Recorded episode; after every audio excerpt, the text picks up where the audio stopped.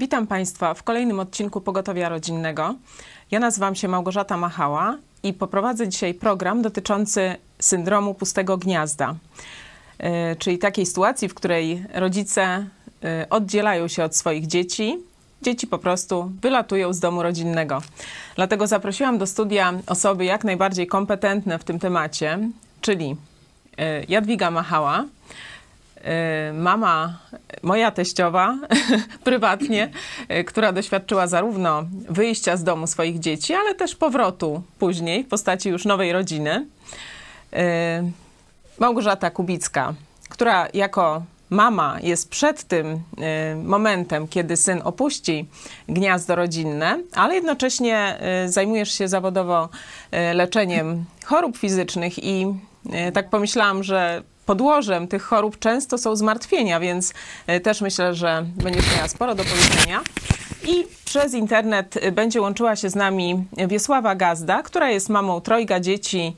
E, one akurat kilka lat temu już opuściły to e, gniazdo rodzinne, ale ciągle są w bardzo dobrym kontakcie i myślę, że również będziesz nam służyła swoim doświadczeniem w tej dziedzinie.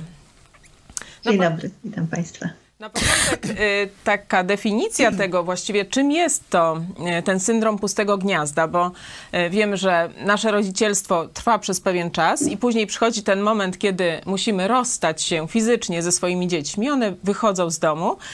I najczęściej pojawia się jakiegoś rodzaju kryzys emocjonalny. Nie możemy sobie z nim poradzić przez pewien czas przynajmniej. Właśnie o tym będziemy mówiły. Chciałam na początek, żebyście podzieliły się y, takim doświadczeniem, y, no jakie są objawy tego y, właśnie syndromu. Co, co towarzyszy rodzicowi w chwili, gdy dziecko opuszcza to gniazdo rodzinne? Troszeczkę na początku powiem jako lekarz, czyli może nie jeszcze jako tak osobiście praktyk, chociaż niektóre rzeczy też y, myślę, że z okresem dorastania dzieci są związane takie, gdzie y, powoli y, te dzieci zaczynają rozluźniać relacje, ten pasek jest coraz dłuższy. Na pewno wtedy, kiedy dzieci opuszczają dom, jest to jest to zupełna zmiana dla rodziców i y, zwłaszcza kobiety, tak przynajmniej po pacjentkach sądząc, y, doświadczają wtedy y, takiego okresu smutku, samotności, pewnego załamania nawet, raz związanego z bólem, z rozstaniem się z dziećmi, z którymi do tej pory miały na przykład bliski kontakt, ale też takiego nie wiadomo co dalej troszeczkę. Mhm. I ten okres trwa różnie długo, to znaczy y, chciałabym prze, przede wszystkim przekazać wam, że y, jest to zupełnie naturalne, że jest pewien ból związany z rozłąką z dziećmi, z wypuszczeniem ich z domu. Y, tutaj też y, to są takie dwa stopnie. Pierwszy to kiedy dzieci wyjeżdżają, y, bo na przykład się uczą, y, a jeszcze inaczej troszkę jest, kiedy dzieci zakładają swoje rodziny i są już zupełnie, mają swoją rodzinę i nią się bardziej zajmują. E, ale ten e, ból, ten taki poczucie troszeczkę osamotnienia, ciszy w domu czy smutku jest zupełnie naturalne. Jeśli to trwa powiedzmy tam kilka miesięcy przyzwyczajenia się do nowej sytuacji, do nowego funkcjonowania w małżeństwie, to jest to zupełnie okej. Okay. Nie należy się spodziewać, że to będzie jakaś euforia od razu po wyjściu dzieci. Tak samo jak i dzieci y, wyjeżdżając, będąc bez rodziców, przeżywają też parę miesięcy takiego y, troszeczkę czasami dołka, częściej dzwonią i tak dalej. Mhm.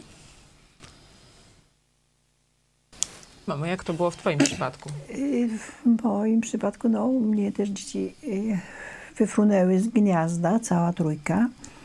Ale ja miałam, tak sobie myślę, że o tyle może lepszą sytuację w takim sensie, że moje dzieci tak na raty wychodziły, bo najpierw wyjechały do internatu, y, to znaczy, no właściwie szkoła średnia to nie tak to nie do internatu. No tak, ale rzeczywiście no, na studia już jak wyjechali, to najpierw do szkoły i jeszcze często wracały do domu.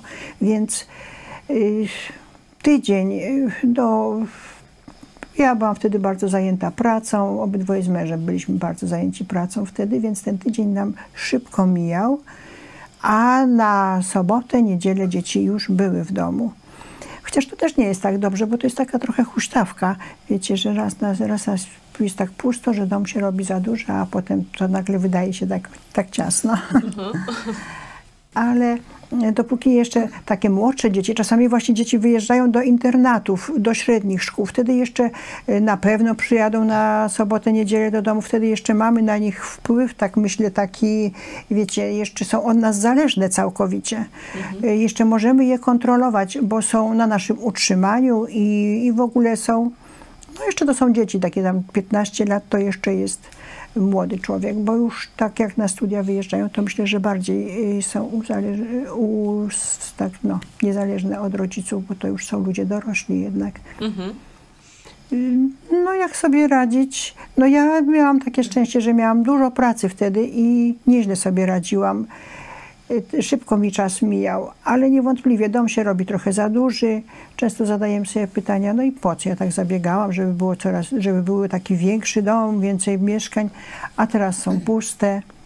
No i jeszcze dochodzi niepokój. Niepokój o te dzieci, jak są takie, mówię, średnia szkoła, to a sama nie wiem, czy to większy niepokój, czy taki sam, jak już mhm. dorośli, że, że może coś im się stanie, że może jakieś głupie decyzje podejmą, może na złych ludzi trafią. No takie niepokoje, co tam się z nimi dzieje, a czy na pewno dojada, a czy na pewno się dobrze ubiera, ciepło, nie jak idzie na jesień, zimę. takie Mhm. Czasami to się zbiega z tym, że y, też rodzice przechodzą na emeryturę albo na rentę, to wtedy jest kumulacja tych tak, takich, tak, tak jakby przykrych zdarzeń. W waszym przypadku tak nie było. Wiesiu, ale u was chyba tak w podobnym czasie to było. Przy, przybliż nam sytuację. Nie, nie. Dzieci wyszły z domu, kiedy jeszcze pracowałam, także było podobnie troszkę jak, jak Jadzia mówi, że praca, dużo różnych innych zajęć ale no, co, co, co czułam wtedy? No, na pewno tym dominującym uczuciem była tęsknota. Może mniej smutek, tylko właśnie takie poczucie braku, nie? że myśmy takie bliskie więzi mieli z dziećmi i, i, to, i to było to, ta tęsknota na początek i taka świadomość, że coś się zakończyło, nie? że jakiś etap jest za nami. I niby to wszystko jest normalne, bo no, po to też dzieci, y, dzieci przygotowywaliśmy do, do tego wyjścia w świat i, e, i wiedzieliśmy, że to nastąpi, ale to z wieloma rzeczami w życiu tak jest, że się wie, że one nastąpią, a i tak, e, kiedy, kiedy przyjdą, to różne emocje się budzą. Myślę, że dla nas takim, takim elementem łagodzącym te wszystkie może zmartwienia czy, czy lęki było to, że że dzieci nie jechały na jakiś taki zupełnie obcy teren, tylko jechały do y, ludzi życzliwych, w otoczenie ludzi z kościoła, także myśmy się tutaj czuli y, dobrze, że, że jednak są pod, pod jakimś takim okiem. Gdyby coś się złego działo, to na pewno to zostanie zauważone. Nie? Także takie poczucie bezpieczeństwa na pewno tutaj było. Nie?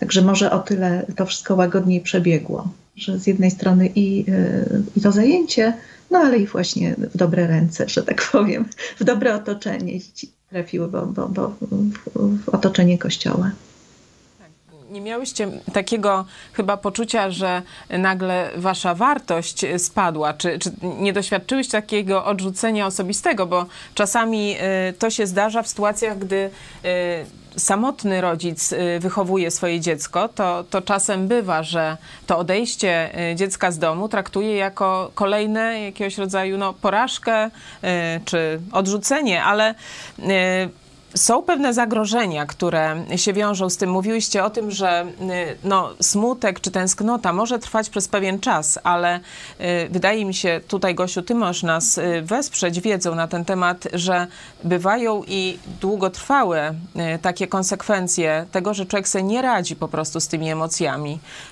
Czy spotkałaś się z takimi? No pewnie, jest wiele e, różnych problemów. Tak jak Wiesia wspomniała, to jest sytuacja e, naprawdę komfortowa, mieć świadomość, że dzieci są w otoczeniu e, ludzi, których akceptujemy mhm. i że nawet gdyby się z nimi coś działo, takiego, które, co oni nie powiedzą, to jest jakiś kontakt z tym środowiskiem. Bardzo wiele osób tego nie ma. Cały ten syndrom pustego gniazda chyba jest coraz częstszy, ale to wynika z wielu rzeczy. Między innymi z tego, że e, generalnie rodziny mają coraz e, gorszy kontakt ze sobą. E, ludzie czasami żyją obok siebie, znaczy pewnie kiedyś też tak bywało, ale w tej chwili są różne zagrożenia z tym związane, bo jedną rzeczą jest, że mm, ciężko jest czasami e, małżonkom z powrotem znaleźć jakieś relacje ze sobą. Nawet czasami e, nie szukają, są zupełnie obcy. Jeszcze te dzieci, jak były, to e, dawały zajęcie, więc nie było czasu się zastanawiać nad jakimś, czy nas coś łączy, mhm. czy się w ogóle lubimy. Bardzo często tak jest, że zwłaszcza mm, żony mi opowiadają, że kiedy dzieci wyfruwają z domu, a mąż na przykład emerytura, to zaczyna drażnić po prostu. One się e, przyzwyczaiły, że tego męża w domu nie ma i w tej chwili ich po prostu wkurza. Mhm. Także w pewnym sensie to, że się przedłuża taki e, problem, nawet wchodzący w długotrwałe depresje czasami, związany z odejściem dzieci, często też jest miarą stanu małżeństwa i tego, co oboje chcą z tym mhm. zrobić albo nie chcą zrobić bo mężczyźni też przeżywają wyjście dzieci. Może nie, nie są, powiedzmy, nie, jest to, nie przekłada się to na słowa, nie dzieli się tym z bliskimi, ale mężczyźni na przykład często wtedy zamykają się, nie wiem, w garażach, coś zaczynają dłubać, kumpli swoich odgrzewają gdzieś tam od lat, e, zaczynają się wyjścia jakieś takie, też czasami alkohol, wcale nie tak rzadko, u kobiet częściej no takie chodzenie po lekarzach, leki, depresje, tego typu rzeczy. I w ostatnich latach coraz częściej to jest takie nastawienie na samorealizację, ale takie troszeczkę agresywne, powiedziałabym. W sensie, zwłaszcza takich mam czy tatusiów jeszcze w pretensjach, którzy rzeczywiście zaczynają drugą młodość przeżywać, e, szukać sobie nowej miłości, nowej pracy, nowego miejsca, mhm. Nowych jakichś tam e, emocji większych. Czasami kończy się to tragicznie, bo kończy się rozpadami małżeństwa też czytam taki artykuł, w którym zwraca się uwagę, że ostatnio wśród osób takich po pięćdziesiątce wzrasta, wzrasta częstość zakażeń HIV i to też jest związane właśnie z tą taką e, seksualnością e, drugiej młodości. Mhm. Dzięki. E, Wiesiu, ty opowiadałaś mi pewną historię. Gdybyś mogła naszym widzom również ją przytoczyć, właśnie jak, jaki wyraz może przybrać ta, ta druga młodość, przeżywanie drugiej młodości. Tak, tą, tą historię z kolei ja usłyszałam Y, I y, jakoś tak zapadła mi w pamięć. Otóż y, mama dorosłej osoby, to, tę drugą młodość, tak to nazwijmy, w taki sposób zaczęła przeżywać, że wpadła w zakupoholizm, zaczęła się stroić w jakieś takie zupełnie nieodpowiednie też do jej wieku kreacje. E, I jeszcze próbowała jakby tym stylem życia zarazić, zarazić tę swoją dorosłą córkę. Także no, na różne naprawdę pomysły człowiek wpada, jak, jak nie wie, co z sobą zrobić. I tu jest właśnie ten problem, e, żeby wiedzieć, jak żyć i co z sobą zrobić. Nie? Także tu u, u podłoża, jak, jak i wielu spraw, leży taka filozofia życia. E, też to, co Gosia mówiła o małżeństwach, które się rozpadają. No, właśnie E, co stanowi istotę małżeństwa. Jeśli tu dobrze, dobrze wystartujemy, dobrze też wybierzemy na początku i, i, i, i małżeństwo ustanowimy właśnie tym centrum w naszej rodzinie, no to cała reszta się mniej więcej wokół tego dość dobrze układa. Ale często właśnie już na starcie te priorytety są zachwiane i w ogóle małżeństwo jest jakby pochodną tego, że dziecko się pojawia, a nie E, a nie jest najpierw, nie? Czyli, czyli jakby z góry wiadomo, że to małżeństwo będzie w jakiś tam sposób podporządkowane e, temu dziecku, skoro jakby to dziecko ukonstytuowało w ogóle małżeństwo, że, że do tego małżeństwa doszło. Mówię o tak zwanych wpadkach, nie? Że, że kiedyś to był spory procent małżeństw. No dzisiaj to jakby niekoniecznie ciąża powoduje, że mężczyzna czuje się na tyle odpowiedzialny, żeby, żeby się z dziewczyną ożenić, no ale tak czy siak to nie jest jakby dobry początek, czyli tutaj ta, y, ta roz, rozwiązłość czy, czy seks przedmałżeński, no to może doprowadzić do tego, że, że pobieramy się z nie tą osobą, z którą tak naprawdę chcielibyśmy spędzić życie i którą lubimy, która nas właśnie nie denerwuje, przy której my się czujemy swobodnie i też nie mamy taką świadomość, że niekoniecznie tę drugą osobę denerwujemy. Także no to, to jest właśnie to, to żeby, żeby ta więź była na tyle mocna i, no i oparta na, na, na czymś więcej właśnie niż te wspólne obowiązki. I wtedy to jakby to jest normalna pora w życiu i, i, i nie ma z tego powodu żadnego dramatu. Nie no tak, więcej. Gładko w zasadzie, y, Biesiu, wprowadziłaś nas w, te, w, to pytanie, jak sobie poradzić z tą sytuacją, bo rzeczywiście y, rozwiązania są różne i tutaj, no, Wiesia, nakreśliłaś y, taki sposób, żeby budować więź małżeńską, że ona jest y, pierwsza i powinna być pierwsza przed więzią rodzicielską, bo gdy rodzicielstwo się kończy, to y, najczęściej zostajemy ze swoim współmałżonkiem, no i mamy z nim teraz spędzić drugą część swojego życia. Dobrze by było, żeby rzeczywiście było y, i o czym rozmawiać i żeby były ciekawe rzeczy, które nas łączą. Nie tylko, tak jak Wiesia powiedziała, same obowiązki takie opiekuńcze związane z dzieckiem, ale może jeszcze jakieś macie macie takie sposoby, jak sobie poradzić, bo wiemy, że można źle sobie poradzić i tu była mowa. Y, jakiś przykład był podany, ale... Y, może ja bym jeszcze powiedziała, że jak dzieci odchodzą, dzieci odchodzą z domu, no, idą do szkół, później średnich, na studia, y, to jest taki, takie jedno odejście, taki jeden etap odejścia. Dzieci odchodzą całkowicie, kiedy się żenią albo za mąż wychodzą to wtedy już mamy mniejszy dostęp do dziecka. Dziecko, syn się ożenił, ma swoją żonę, ma swoją rodzinę, potem no, dzieci się pojawiają, ma swoją rodzinę i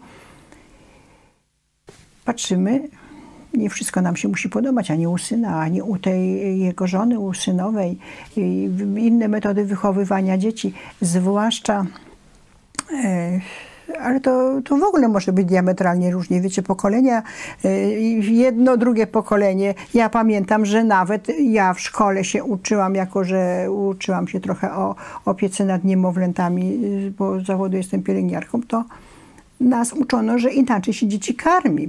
Po każdym karmieniu piersią należało dać dziecku pić. No tak, nam tu tłumaczono, że to, to mleko od matki to jest pokarm stały, to jest dla niego chleb najesz się chleba, musisz to napić się później, czymś tam przepić. I, i jak ja zobaczyłam, że moja Małgosia nie przepaja dziecka między, między y, karmieniami, no to sobie myślę, jejku, powiem wam zaufaniu, że tak pokryjomu sprawdziłam u dziecka na brzuszku, no jak się tak trochę weźmie, jak się skórka nie marszczy, to jest dobrze.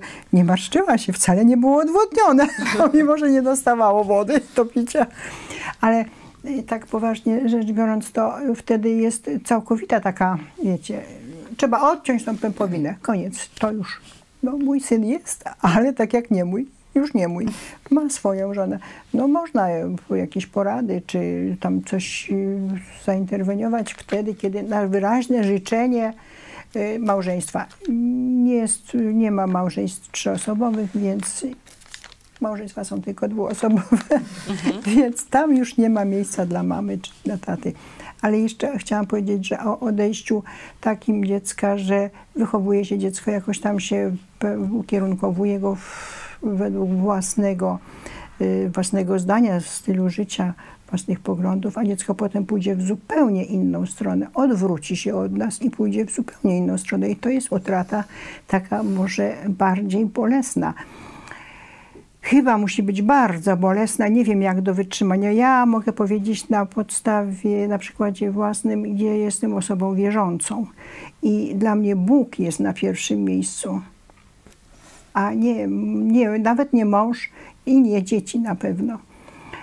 I wtedy, jest, wtedy to jest możliwe do zniesienia, bo jak no, Właściwie nie, tak szukam w pamięci, czy mam kogoś takiego znajomego, którego by dziecko tak całkowicie poszło, wiecie, w tył zwrotnie, w drugą stronę, niż go całe życie wychowywało wychowywało się w domu, no nie mogę sobie przypomnieć, ale, ale to tutaj musi to, być co po mówisz, prostu... że to takie odrzu- no jakby zdjęcie z siebie odpowiedzialności tak. już za to, że to dziecko może żyć po swojemu i ono nie musi być takie, jak, jak nam się podoba. Jak nam się podoba, jak chcieliśmy w tych założeniach naszych w wychowywaniu dzieci, także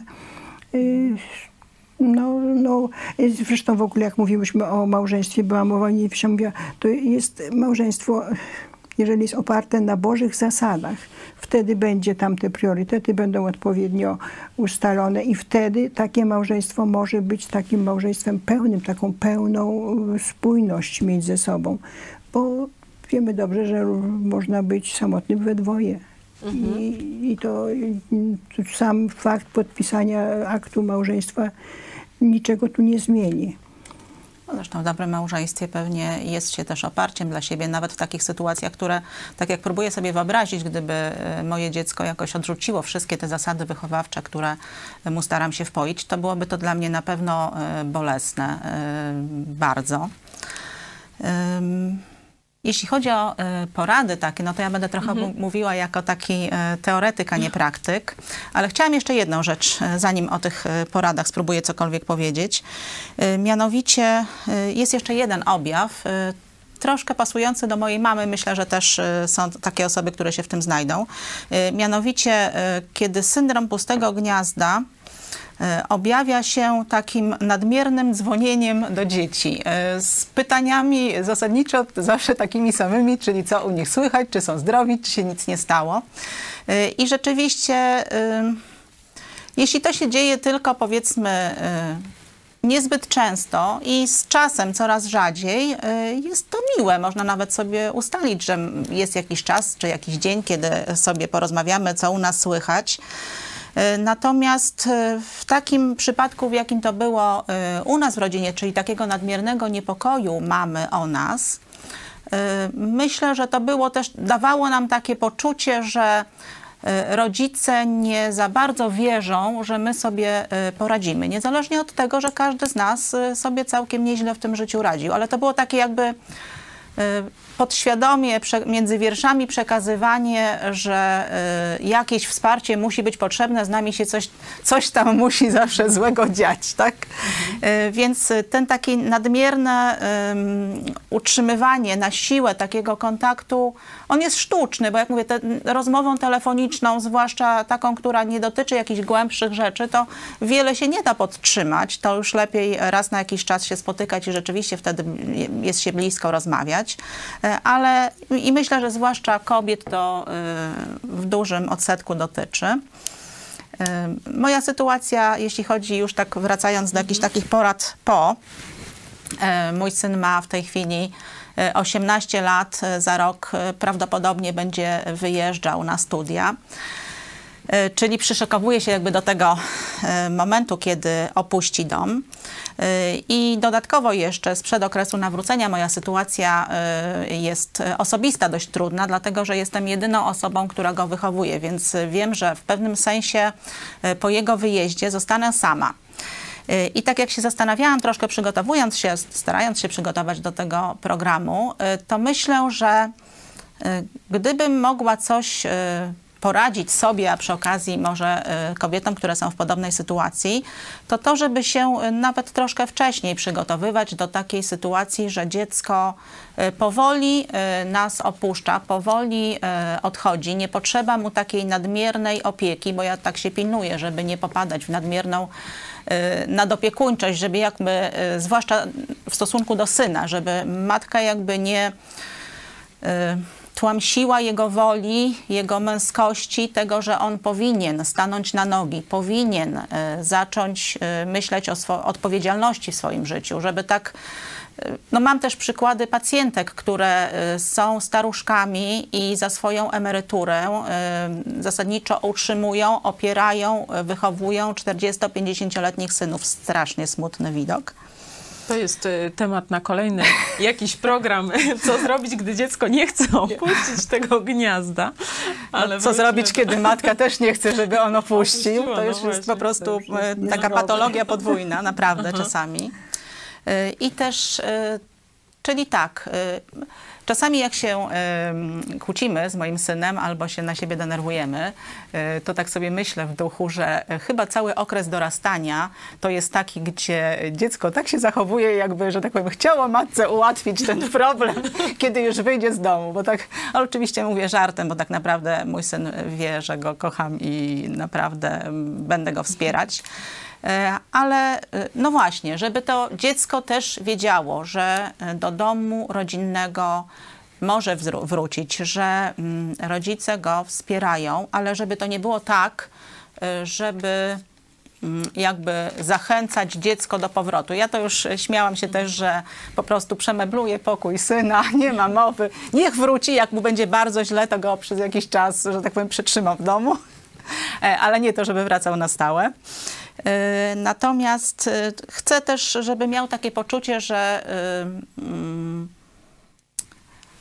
że go wspieram. To znaczy, nawet jak mu tam będzie troszkę trudno, to żeby swoją, swoim nastawieniem, to znaczy, nie jeśli nawet będzie mnie bolało, a na pewno y, będzie ta rozłąka i będę się czasami czuła smutno, żeby mu tego nie, nie pokazywać, nie mówić o tym, nie gderać, nie przypominać ciągle, że jestem taka biedna i samotna, po prostu, żeby nie, żeby nie wpędzać go też w takie poczucie winy, że zostawił tutaj samotną matkę.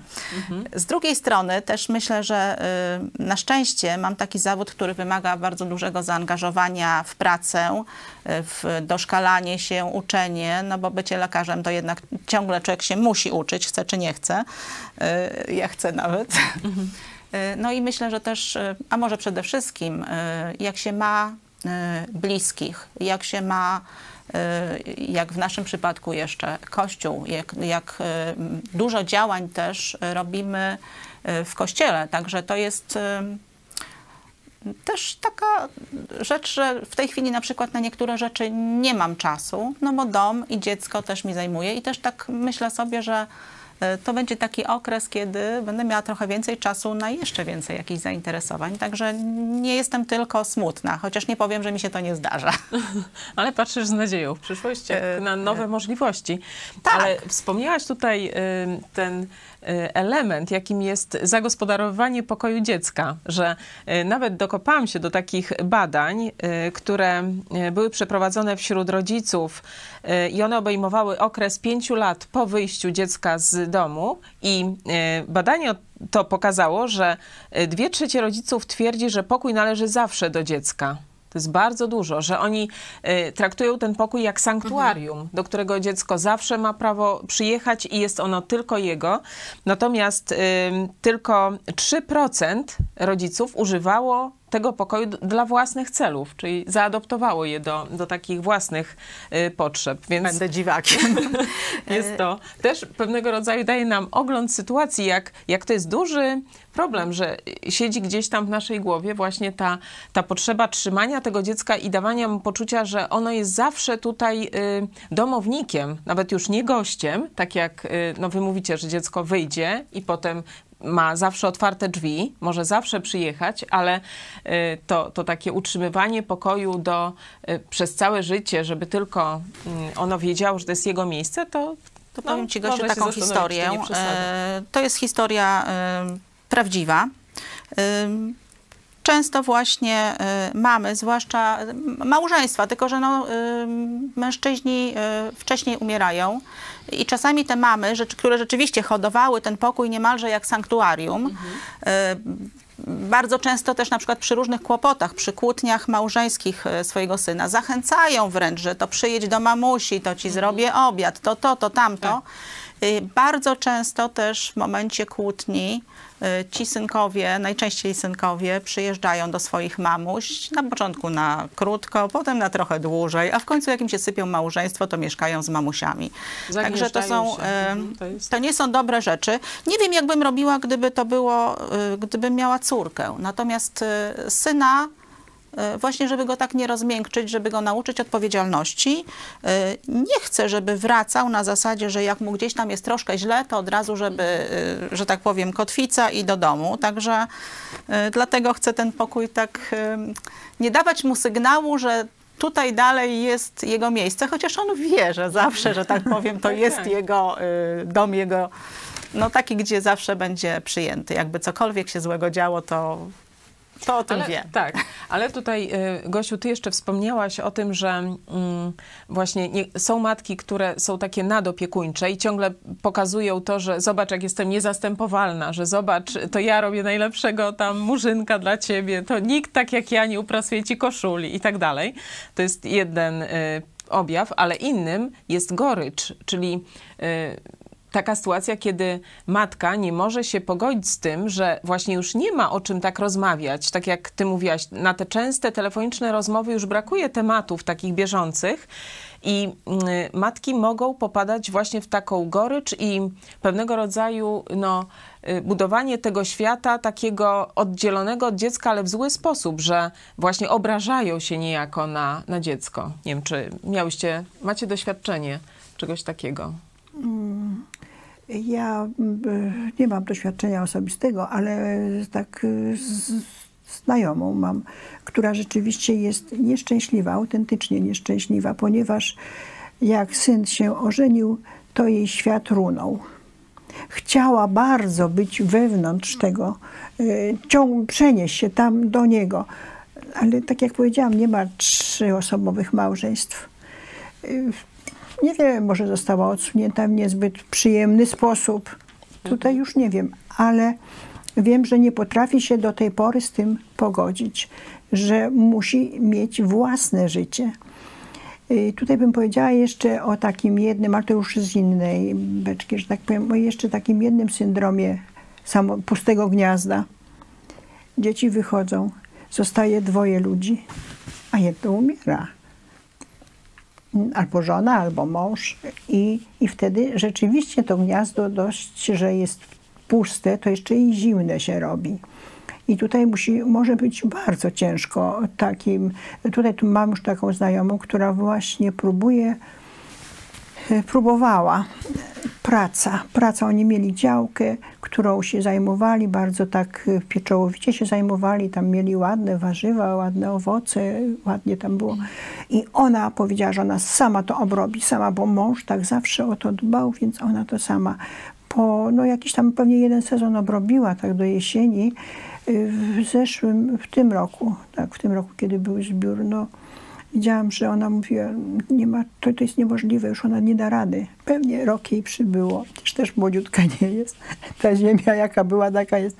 Już nie daje rady tego obrobić. A na drugi rok pewnie działka będzie już tam w dużej części leżała odłogiem, będzie na to patrzyła i tym bardziej, jeżeli będzie sobie takie fałszywe, e, fałszywe budowała jakieś e, obrazy, że to mąż to tak musi być, ona tak dla męża, żeby było ciągle tak, no, dla męża to nonsens, a że tak na taką pamiątkę jego, no to się będzie jeszcze zadręczała tym, że nawet temu nie Nie sprosta. może sprostać. Mhm. Więc y, tutaj no, czasami taka, taka osoba sama, sama, samotna może sobie powiedzieć, no to, to życie może dla niej stracić sens, no bo to dla kogo żyje? Dla dzieci już nie, bo dzieci wyszły z domu, dla męża nie, bo męża nie ma. To dla kogo mam żyć? Tutaj życie może tracić sens. To czym je wypełnić? Właśnie to jest pytanie do Was. No, ja nie bardzo umiem odpowiedzieć, czym wypełnić. Ja wiem, czym wypełnić, ale to ja, bo ja jestem osobą, która e, oddała swoje życie Jezusowi Chrystusowi. Ja wiem, po co żyję na tym No powiedz, świecie. ale powiedz kilka praktycznych rzeczy, które robisz, żeby pokazać, no właśnie, czym żyjesz, czym wypełniłaś ten świat. E, Przede wszystkim e, moja, ja psychicznie się trzymam dlatego, że ponieważ mam takie gniazdo i puste i zimne. Ale nie jest zimne, nie, absolutnie. Chociaż powinno być. Ale e, czym, że e, ja nie jestem, czuję się czasami samotna, to nie ma takiej siły. Każdy się czuje czasami samotny, ale nigdy nie czuję się sama, bo przede wszystkim jestem, jest ze mną Bóg. Mam tę świadomość i, i to mi najbardziej pomaga. No poza tym moje gniazdo się znów zapełniło. Nie zawsze się tak zdarza, ale uważam, że to jest dobry, że to jest taki zdrowy układ, kiedy to gniazdo się znów zapełnia. Dzieci wracają. No, czy to syn, czy córka wracają i to jeszcze z całym, wiecie, Ekwipunkiem. ekwipunkiem, tak. I jest znów gwarno i wesoło i słychać i krzyk, i płacz, i śmiech. I- a, no, ale mimo to ja w tym swoim gniazdku tu jestem sama, czym ja żyję. Normalnie, staram się żyć normalnie. Y, Trzeba y, dbać, jak rano wstajesz, musisz posprzątać, bo musisz być uprzątnięte. Y, Na początku, zanim się tak pozbierałam, to niczego mi się nie chciało robić i wszystko dla, dla mnie było bez sensu, ale dzięki Bogu Bóg mi uświadomił, że żyję, że ja jeszcze, ja jeszcze żyję, więc mam żyć tak, jak należy. O, należy, trzeba żyć tak, jak należy. No poza tym y, przecież zawsze można pomagać. Nie tak, że no ja nie mam zwyczaju tak latać do mojej Małgosi i się pytać, to ja co, co, pomogę ci, to daj to ci posprzątam. Nie, no, sama sobie posprząta, tak jak będzie chciała. Ale jakby miała mm, taką potrzebę i by nie mogła, to by mnie poprosiła i wtedy wie, że bardzo chętnie pójdę i zrobię to, co trzeba. Ale na przykład mogę robić przetwory i tam obdarowywać każdego, czy mu smakuje, czy nie. mogę, no sama nie wiem co mogę, dopóki człowiek jeszcze jest w miarę zdrowy i, i ma takie możliwości, można podjąć dodatkową pracę, choć jest emerytem. Y, ja podejmuję taką pracę jeszcze, przynajmniej tam przez 2-3 miesiące w roku to jeszcze sobie popracuję, zarabiam sobie dodatkowe pieniądze, więc mogę tam później mieć na. Nie muszę każdej złotówki już tak sobie liczyć dokładnie, bo to z emerytur teraz takich czystych to chyba tak mhm. trzeba będzie robić. Ale masz też y, taką, y, taki przywilej, że y, jesteś już taką starszą chrześcijanką, więc też masz okazję pomagać tym młodszym chrześcijankom Mam okazję. wierze. No tak, ale to już trzeba rzeczywiście być w tak. kościele, jakimś być nawróconym człowiekiem i w kościele niech się nie poczują urażone te panie panowie, no wszyscy, y, ja mówię, że nawróconym. Y, każdy katolik powie, że jest nawrócony, że jest wierzący, że nawrócony. No to co robisz w kościele na przykład? jeżeli tak uważasz, bo ja mam bardzo dużo pracy w swoim kościele. No tak, tutaj to jest y, taka okazja czy zachęta dla tych, którzy y, jeszcze nie poznali Jezusa, żeby go znaleźć, bo rzeczywiście, gdy się go znajdzie, to i praca wtedy dodatkowa się bardzo szybko znajduje. I przede wszystkim sens życia. Tak. Wtedy się człowiek, wtedy człowiek wie, po co żyje, po co mnie Bóg na tym świecie jeszcze trzyma. No, żebym mu służyła, no to trzeba mu służyć tak, jak się umie i może najlepiej. Mhm. I to nie jest wcale taka ciężka służba, ani nie wiem to powiedzieć. To jest i lekkie, i przyjemne, i życie jest radosne. Mhm. Wiesiu, może ty byś chciała coś dodać. Y, jak sobie ty poradziłaś z tą sytuacją, albo wy jako małżeństwo, jak sobie poradziliście? Może kilka też takich rad, z których widzowie mogliby skorzystać. Ja myślę, że to właśnie y, to wielkie błogosławieństwo bycia w kościele, także to niektórzy widzowie skorzystają być może, ale y, to jest rzeczywiście takie poczucie i sensu tego, co się robi, i celu, i też tego, że te cele są wspólne. Nie dla małżeństwa są wspólne, ale też my ciągle mamy wspólne cele z naszymi dziećmi, a co więcej, mamy niektóre takie zadania wspólne. I to jest, i to jest właśnie. No to jest coś, że my się ciągle czujemy jednak dalej razem. Może też dlatego, że dzieci nie założyły swoich rodzin, ale myślę, że dużo wynika z tego, że mm, mamy wspólne projekty i te nasze y, dość częste kontakty telefoniczne to, to nie są właśnie takie, um, takie powierzchowne, tylko one dotyczą konkretu, konkretnej sprawy. Y, I y, też tak wiemy, co się u nas nawzajem dzieje w naszym życiu, nie? że to jest takie, no takie właśnie takie poczucie, że też to, to jest coś, że to nie jest zabijanie czasu, o tak to powiem, nie? Że, że raczej tego czasu wciąż brakuje na różne, y, na różne rzeczy, które by się chciało zrobić. Czyli tutaj ten problem znalezienia sobie y, czegoś wartościowego, czym się zajmę. No i ja wiem, że jeżeli y, się żyje poza, poza kościołem, poza to, to, tym, tym wspólnym dziełem, no to to jest trochę trudne, nie? Że, że czasem człowiek nie, zawsze, nie, nie ma pomysłu, co, co z tym swoim życiem dalej zrobić. I ja bardzo współczuję takim, takim osobom i, i też no, sama nie wiem, jakbym, jakbym się czuła, gdybym ja była w takiej sytuacji, ale Bogu dzięki e, nawróciłam się, trafiłam na kościół, no i moje życie w zasadzie nie mogę powiedzieć o, o, o czymś takim jak syndrom pustego e, gniazda. Też Jadzia powiedziała o tych, e, o tych powrotach, nie? że kiedyś rzeczywiście te, te, ten syndrom pustego gniazda nie był znany, bo i rodziny były wielodzietne i, i wielopokoleniowe. Także to też jest taki znak naszych czasów. I, i tu e, no, można pomyśleć, można pomyśleć właśnie i zawczasu, co, co, co tu zrobić, nie? Że, żeby, nie być, żeby się nie pchać w, w rodzinę dziecka, które się ożeni czy wyjdzie za mąż, żeby, żeby, żeby jednocześnie jakby to ująć.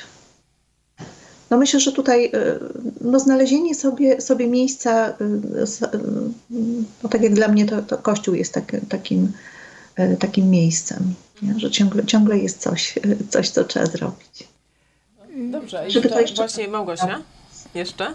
Y, wspominałaś o tym y, zgorzknieniu i tak sobie pomyślałam, że y, to wcale nie jest takie rzadkie i rzeczywiście część rodziców może czuć się takich, takimi odstawionymi na boczny tor, zwłaszcza, ta, zwłaszcza pewnie znowu kobiet, które wręcz nadmiernie się poświęcały, które właściwie całe swoje życie stworzyły wokół bycia na każde zawołanie dziecka. Mhm. I to jest y, no, smutne i bardzo złe. To znaczy sama gorycz, y, raz, to wpływa bardzo źle na nasz umysł, na nasze serce. Dużo chorób też jest związanych z takimi z takim poczuciem gorzkości. Poza tym to zmienia człowieka, zmienia jego charakter i jeszcze bardziej chyba utrudnia kontakty z tym dzieckiem. Zgorzknienie też e, łączy się z takim gderaniem, z takim przytykami do tego dziecka. Jak założy rodzinę, to do, często też na przykład psuje relacje z powiedzmy e, synową. synową tak. mhm. W związku z czym tak naprawdę e, ta kobieta jeszcze bardziej jakby psuje relacje z rodziną e, swojego własnego dziecka. Co ma znaczenie, dlatego że są takie przypadki, gdzie na przykład młodzi decydują, żeby jak najrzadziej potem odwiedzać rodziców, albo jeszcze gorzej, jak pojawiają się na przykład wnuki, Mhm. a już jest tak zła ta relacja z dziećmi, że praktycznie e, no, jest też taka separacja od wnuków. Tak myślę do, o nienawróconych jeszcze, że y, rzeczywiście część dziadków odnajduje się w tej e, relacji z wnukami, czyli jeśli na początku dojdzie do takiego troszeczkę samotności, oddzielenia od dzieci, to przyjście na świat wnuków z reguły jest takim momentem jakby e, z powrotem scalania rodziny i jeśli to są mądrzy dziadkowie e, i mają w miarę niezłe, bo wiadomo, że tam różnie bywa, relacje z dziećmi, to można pięknie ten czas wykorzystać. I to też jest ogromne błogosławieństwo, jak są dziadkowie, którzy mogą się podzielić swoimi przeżyciami z wnukami, które mają ni dla nich czas, y, którzy mogą opowiedzieć historie rodzinne, mogą razem pewne takie tradycje, również takie związane z polskością. Przecież ja na przykład bardzo wiele takich tradycji świątecznych związanych z patriotyzmem, to nie była rola moich rodziców. Moi rodzice pracowali praktycznie to Tatę widziałam wieczorem, jak przychodził, to zjadł i czasami kładł się spać na chwilę, a potem to już ja coś innego robiłam. E, to byli dziadkowie, także to jest piękna rola i też e, dobrze jest e, mieć na tyle dobre relacje z nawet takimi, powiedzmy, żonami czy mężami naszych dzieci, których nie do końca akceptujemy, E, ale żeby mądrze zadbać o to, żeby e, mieć z nimi poprawne i żeby rzeczywiście te e, wspólnie spędzany czas od czasu do czasu, czy nawet opiekowanie się dziećmi, kiedy rodzice pracują, bo niestety tego będzie coraz więcej. To jest krytykowane generalnie, że mm, dziadkowie jakby przejmują opiekę nad dziećmi, wnukami, ale naprawdę w tej chwili nie wiem, jakie jest tego rozwiązanie, bo osób, które pracują, zarówno mąż, jak i żona, jest w tej chwili bardzo dużo. I te dzieciaki, no nie wiem, jeśli jest opcja y, odstawić do żłobka, a jest babcia albo dziadek, którzy chcieliby się zająć, mhm. to uważam, że to jest bardzo komfortowe wyjście. tak, tutaj e, z jednej strony faktycznie to, co Gosiu mówisz, jest to e, jakby kolejna okazja dla dziadków, żeby odnaleźć e, się w tej roli tak. takiego, no nie wiem, przedłużenia historii pewnej, nadania tym dzieciom, wnukom korzeni, pokazania, gdzie, gdzie one tkwią, ale z drugiej strony też to, co mówiłyście, jak ważne jest to, żeby rodzic nie zapomniał o tym, że on jest autonomicznym bytem, że że on nie jest zespolony już y, do końca ze swoim dzieckiem i tak naprawdę y, ta sytuacja, w której y, dziecko wychodzi z domu, jest sytuacją dobrą. Ona jest dobra dla dziecka, bo daje mu poczucie właśnie własnych możliwości, otwiera mu pewne perspektywy, że może żyć po swojemu. Z drugiej strony daje to okazję właśnie rodzicom, żeby zobaczyli, że ich życie jest na przechodzi kolejny etap, że Jest jeszcze jeden pozytyw, bo tak naprawdę można pomyśleć o tym sobie w ten sposób i tym się pocieszać, że skoro wychowaliśmy dzieci, które są zdolne do samodzielnego życia, Mhm. a później do założenia rodziny, no to chyba żeśmy je dobrze wychowali. To jest Tak, to poczucie dobrze do spełnionego obowiązku, oczywiście. Także y, tym optymistycznym akcentem chciałam zakończyć ten dzisiejszy program. Y, tak podsumowując, to z Waszych wypowiedzi y, wynika coś takiego, że y, właśnie nasze dzieci mają prawo do tego, my jako rodzice musimy z tego zdać sprawę, że mają prawo do stworzenia swojej historii. My musimy się pogodzić, że w tej historii nie będziemy już y, grali pierwszoplanowej roli, ale gdzieś tam drugoplanową czy, czy dalszą. I powinniśmy w tej sytuacji cieszyć się z tego, że właśnie nasze dzieci są w stanie już prowadzić to swoje życie, możemy im kibicować, możemy przyglądać się z boku, ale no nie próbujmy wejść na nowo w te same buty, z których dopiero co wyszliśmy. Także bardzo dziękuję e, Wam, że byłyście z nami i Wiesi, która łączyła się z nami i Państwu. I oczywiście zapraszamy za tydzień na Pogotowie Rodzinne o 17. Do widzenia. Do widzenia. Do widzenia.